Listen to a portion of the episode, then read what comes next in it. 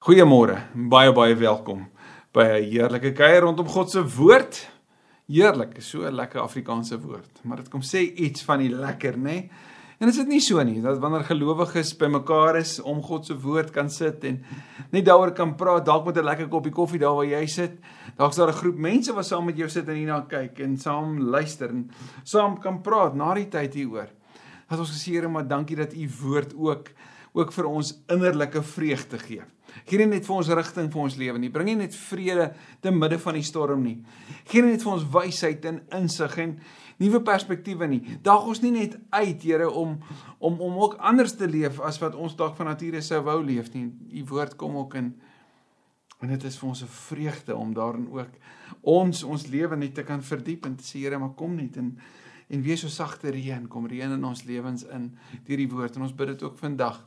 Jy dalk vir die eerste keer hier inskakel as ons regtig bly jy's deel. Onthou, jy kan al die notas skryf van die begin van Lukas af, ook hierdie wat ek hier voor my het.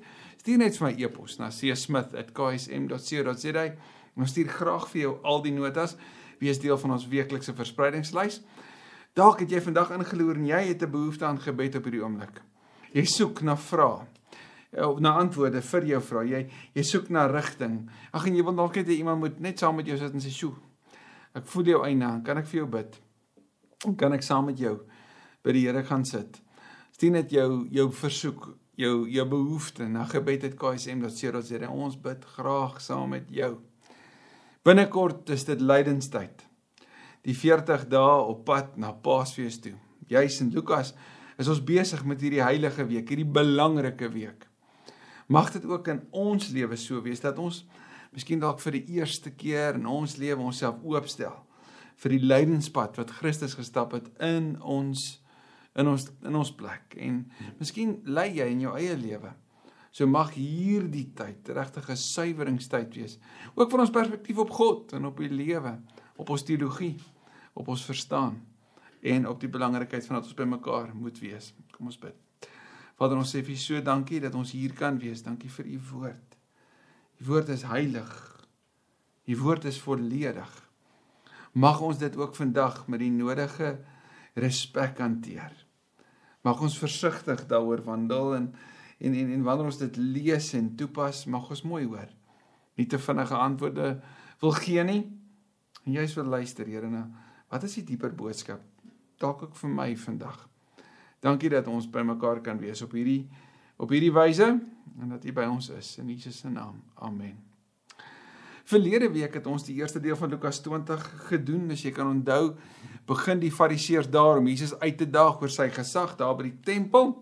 Dis die lang Dinsdag, die Dinsdag van lering. En en Jesus antwoord hulle deur te sê maar die vraag oor Johannes die Doper, met wie se gesag doen hy dit en van wie afkom dit? Is dit 'n goddelike idee of is dit 'n menslike idee? Dan kan hulle hom nie antwoord nie en dan sê hy vir ek gaan julle nie ook nie antwoord nie. En dan die gelykenis oor die bouers en die ag die boere en die eienaar en die eienaar wat uiteindelik sy eie seun stuur wat doodgemaak word en dan besef die Jode, die skrifgeleerdes, die Fariseërs, die lede van die Sanhedrin dat dit op hulle gemik is en dan word hulle briesend en hulle wil iets doen daaromtrent maar hulle kan nie want hulle is bang vir die volk. Nou ons sluit daarbey aan wanneer Lukas 20 vers 20 vir ons die volgende sê. Hulle het hulle kans afgewag. Dis nou om te wag om Jesus vas te trek. Hierdie Joodse leiers. Toe stuur hulle geheime agente wat hulle as opreg voorgedoen het om Jesus op een of ander uitspraak te probeer vastrek sodat hulle hom aan die owerheidsgesag van die goewerneur kon uitlewer. Die Jode is klaar besig om 'n plan te maak. Die skrifgeleerdes, die familiehoofde, die Fariseërs is besig om 'n plan te maak om Jesus vas te trek en hulle wil hom oorgee aan die Romeine. En wat 'n plan van aksie het hulle wat hulle van stapel gaan stuur?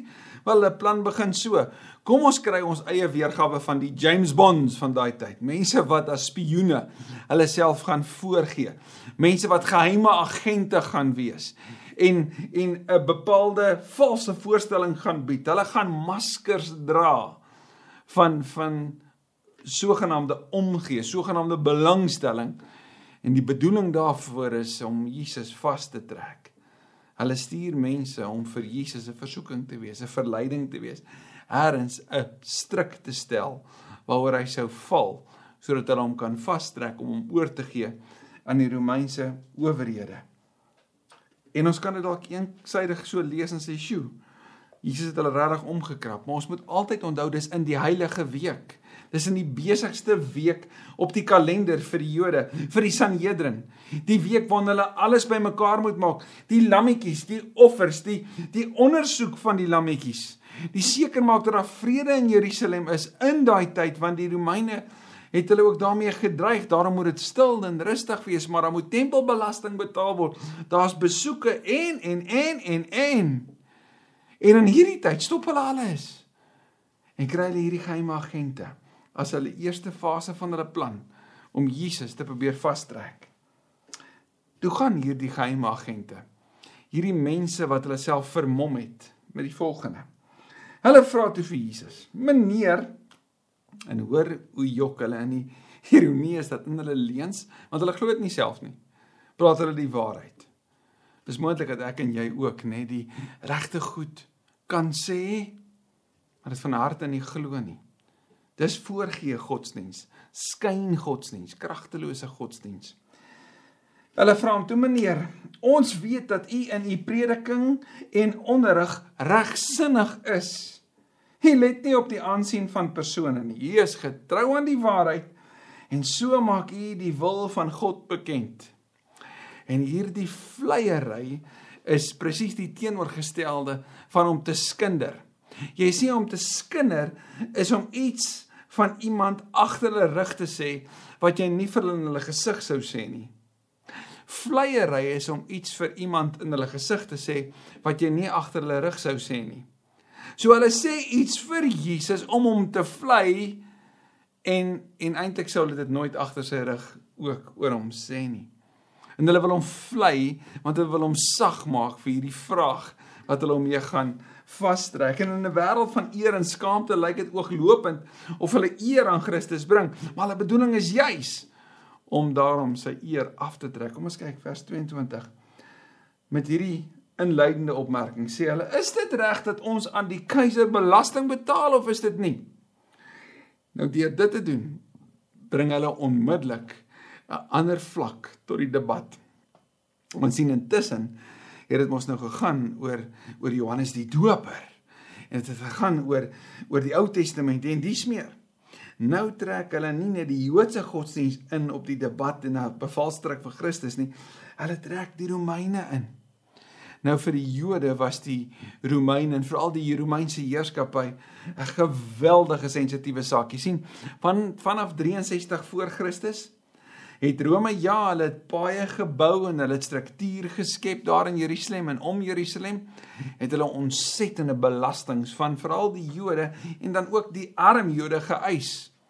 So wanneer die keiser en die betaal van belastings vir die keiser op die tafel kom, dan druk hierdie mense met hulle bedoeling juis op die punt van sensitiwiteit en onthou hulle wil vir hierdie massas wat geskree het Hosanna vir hom wat kom in die naam van Dawid hulle wil hulle kry om te sê kruisig hom nou hoe gaan hulle dit regkry en hierdie is een van die sensitiewe plekke wat moontlik sou wees wat as Jesus verkeerd sou antwoord op hierdie vraag sou dit kon beteken dat hulle sou sê maar jy het verkeerd geantwoord en om daarom sou wou kruisig of ten minste stenig soos ons verlede week gesien het die vrees by die fariseërs en die skrifgeleerdes was.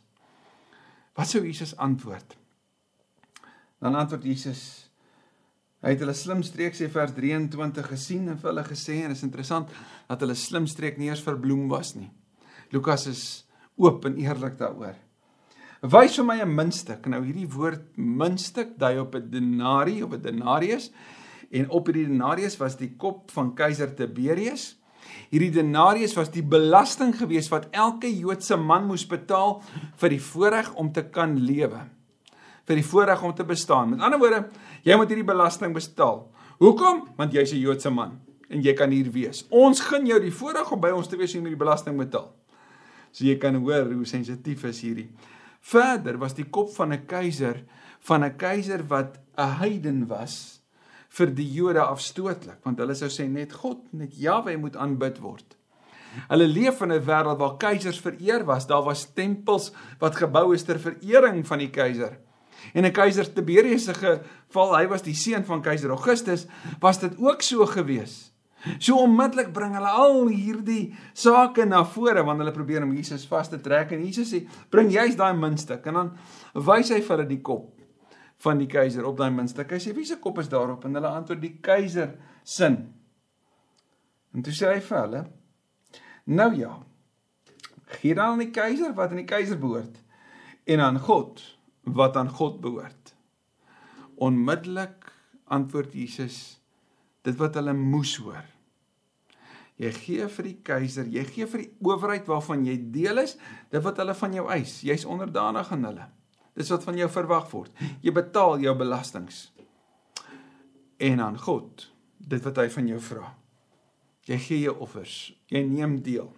Want dis wat die Here van jou vra. Hoe sal hulle antwoord op dit?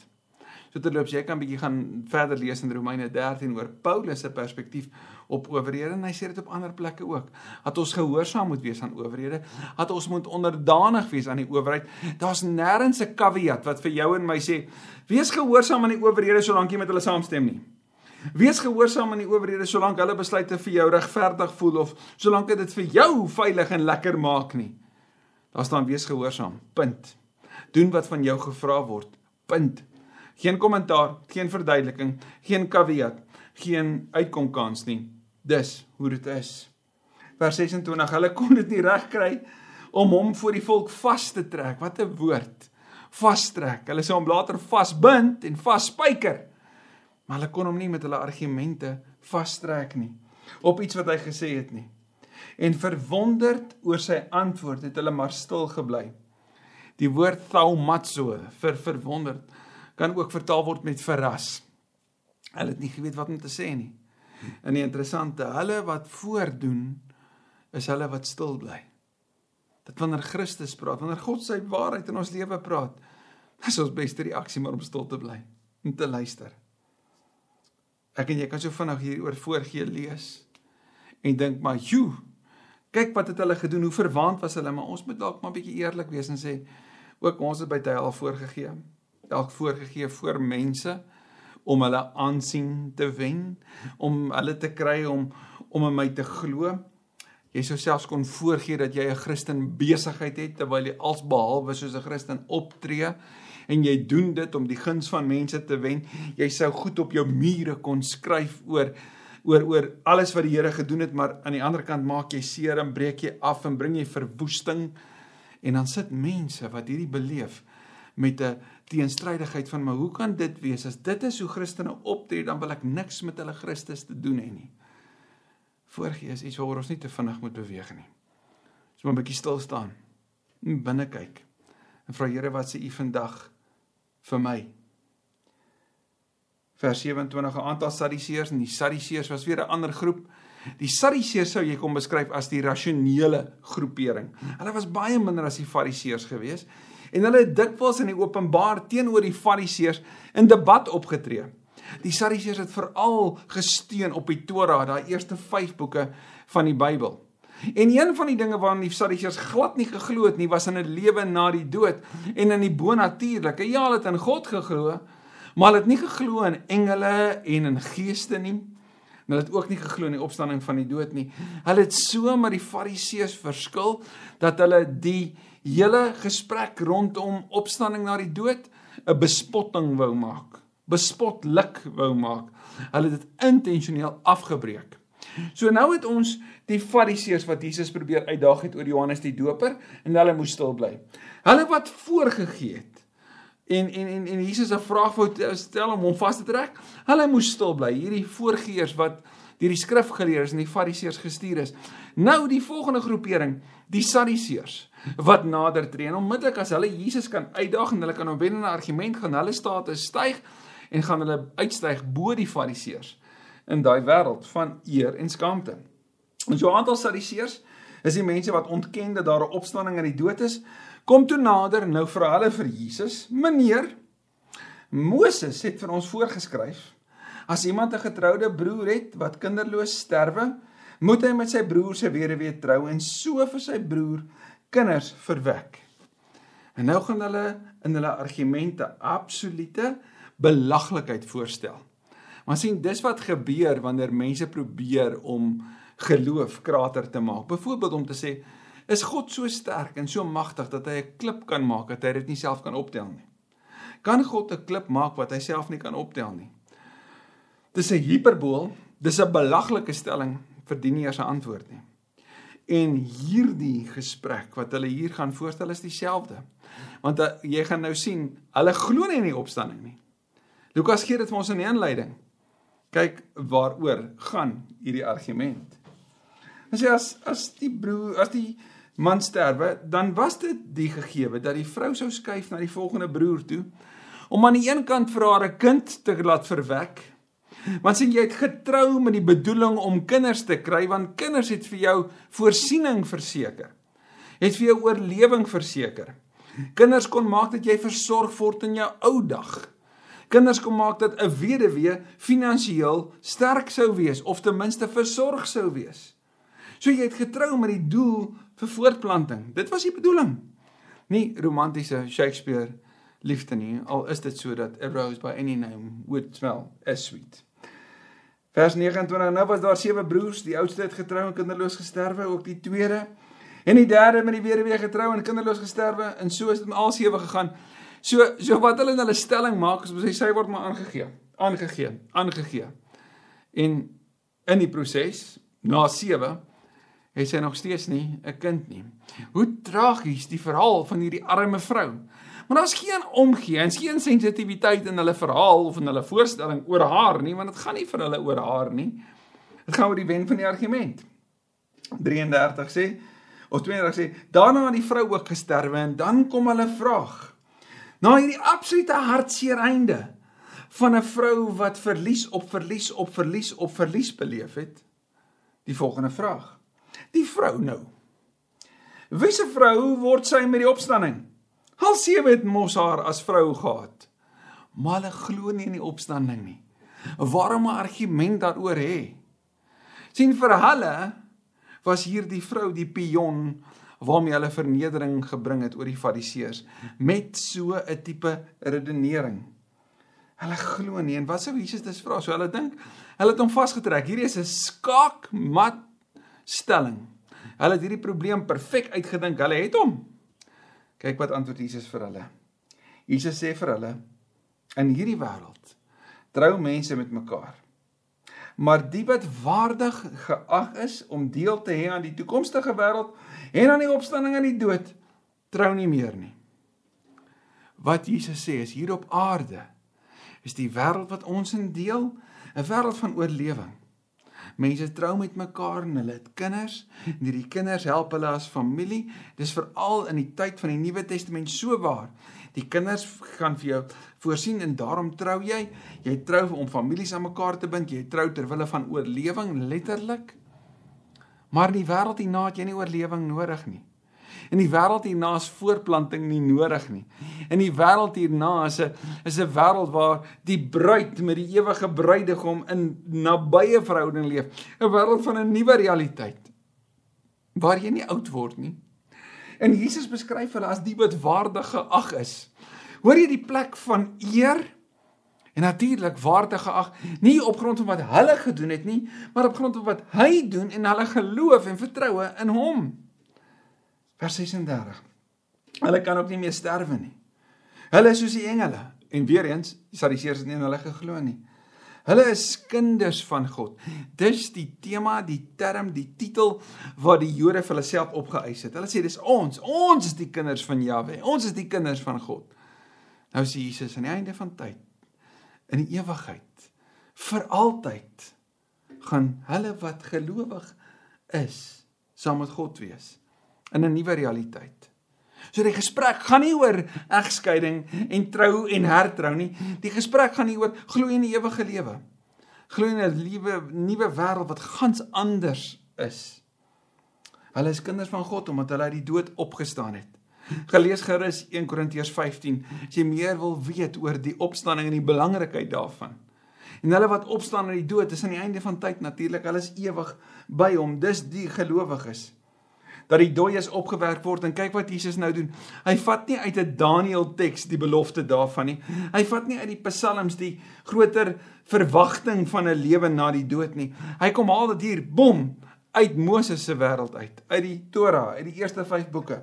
Dat die dooies opgewerk word het Moses ook aangedui en onmiddellik het Jesus al hulle aandag, hulle fokus nou waar hy in die gedeelte oor die doringbos praat van die Here van die God van Abraham, die God van Isak en die God van Jakob. Dis natuurlik daar uit Eksodus 3 vers 6 en 15 tot 16. Hy is nie 'n God van dooies nie, maar van lewendes, want by hom leef hulle almal. So onmiddellik wys Jesus daarop dat daar 'n wêreld is van lewe vanuit die dood. sien as jy by die Here kom en as jy 'n verhouding met hom het, dan is jy deel van 'n lewegewende beweging. 'n Onstuitbare lewegewende beweging. Want daar waar God is, is daar lewe. Die dief kom om te steel, te slag en uit te roei Johannes 10:9, maar ek het gekom om vir julle die lewe te gee en dit in oorvloed. Daarom is evil, boosheid, evil, die presiese teenoorgestelde van lewe wat live is. Daar waar God is, is life. Daar waar donker is, is evil. En die bedoeling van boosheid is om lewe weg te neem. Die bedoeling van die evangelie en van Christus is om lewe te gee en vir altyd. En hier bevestig dit Jesus dit vir hulle. Vers 39.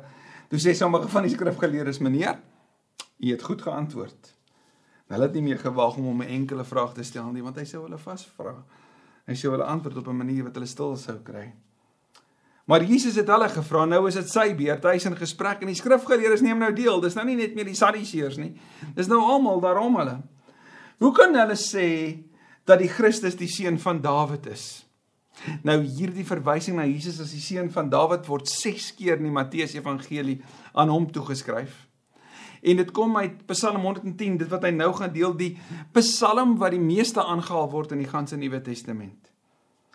Vers 42 sê Dawid sê tog self van die boek van die Psalms die Here dan woorde God het vir my Here gesê ander woorde 'n trinitariese belewenis dat daar meer duidigheid is daar's nie net 'n monoteistiese een God nie daar's meer die Here het vir my Here gesê en hierin gaan ons iets sien van die reïnkarnasie of van die inkarnasie van Christus Die Here het my Here gesê sit aan my regterhand totdat ek jou vyande aan jou onderwerp het Hierdie praat is van die Vader en die Seun.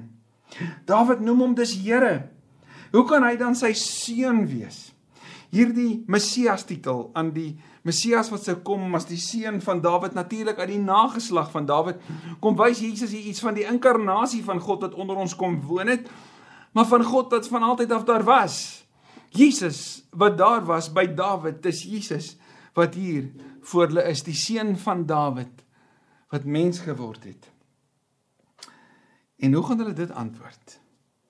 Terwyl die hele volk na Jesus luister, sê hy vir sy disippels: "Pas op vir die skrifgeleerdes wat graag met hul deftige klere aan rondstap.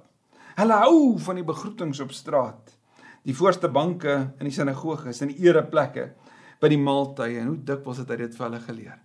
Pas op vir hulle wat die aansien wil hê, wat die grootste verhoog wil hê, wat die bekendste wil wees. Pas op vir hulle want die bedoeling agter dit wat hulle doen is nie die eer van God nie, maar is eie erkenning. Dis dat almal van hulle weet, dat almal hulle raak sien, dat almal vir hulle ruimte bied om hulle stem te verhef en te sê wat hulle op die hart het. En dan bring Jesus dit baie baie baie prakties voor. En die ironie hiervan is dat die fariseërs en die skrifgeleerdes het mense gestuur om hulle self voor te doen en nou sê Jesus Dis juist die fariseërs en die skrifgeleerdes wat mense is wat hulle self voordoen, wat voorgee, wat mombakkies dra. Jesus sê pas op vir hulle. Hulle hou van die begroetings, hulle hou van die voorste plekke en dan dit is hulle wat die huise van die weduwees inpalm en vir die skyn lang gebede opsê, hulle sal baie swaar gestraf word. Onthou jy daai vrou wie se man gesterf het wat kinderloos was? Sy was 'n weduwee. En wat kry sy toe?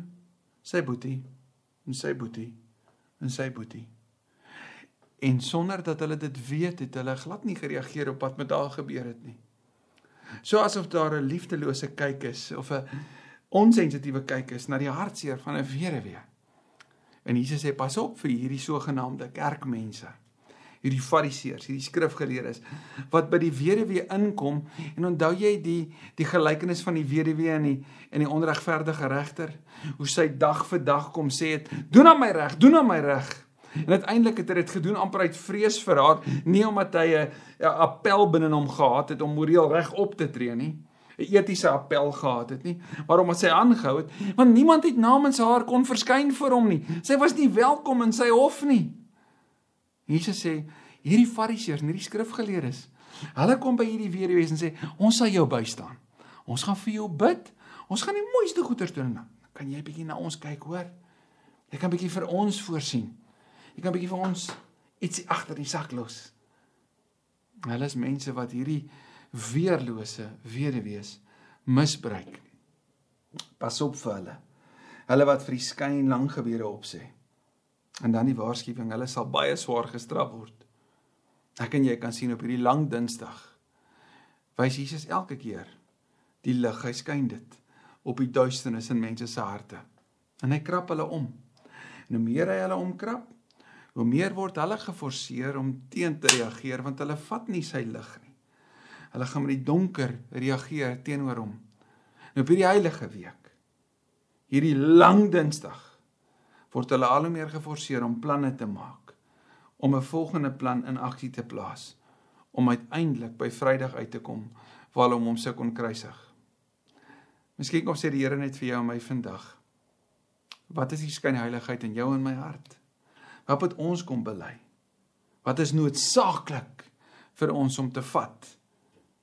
En wat moet ek gaan gaan regmaak? God se woord is goed, nê? Nee. Is volledig. Kom ons antwoord daarop.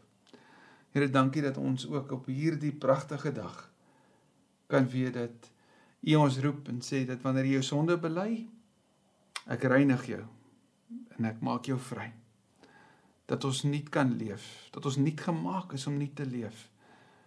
Lei ons, Here, as gelowiges om die valse beeld wat daar bestaan die valse beeld van Christene wat voorgee om om daai beeld reg te maak. Om te wys dat Here dat ons eerlik en opreg is. Dat ons as u volgelinge Here net u beeld wil voorhou. Dit gaan nie oor ons beeld of die beeld van die kerk nie, maar die beeld van Christus. Jammer vir die kere waar ons voorgegee het. Dankie dat wanneer ons ons bely, dan weet ons dat u vir ons herinner. Kom na my toe en ek sal vir jou rus gee. Ons bid veral vandag vir al die weduwees en die weewenaars. Hulle wat verloor het en seer het. Hulle wat deur die lewe as dit ware 'n hou in die ribbes toegedien is. Hulle het seer. Verstaan nie. Hulle het vra.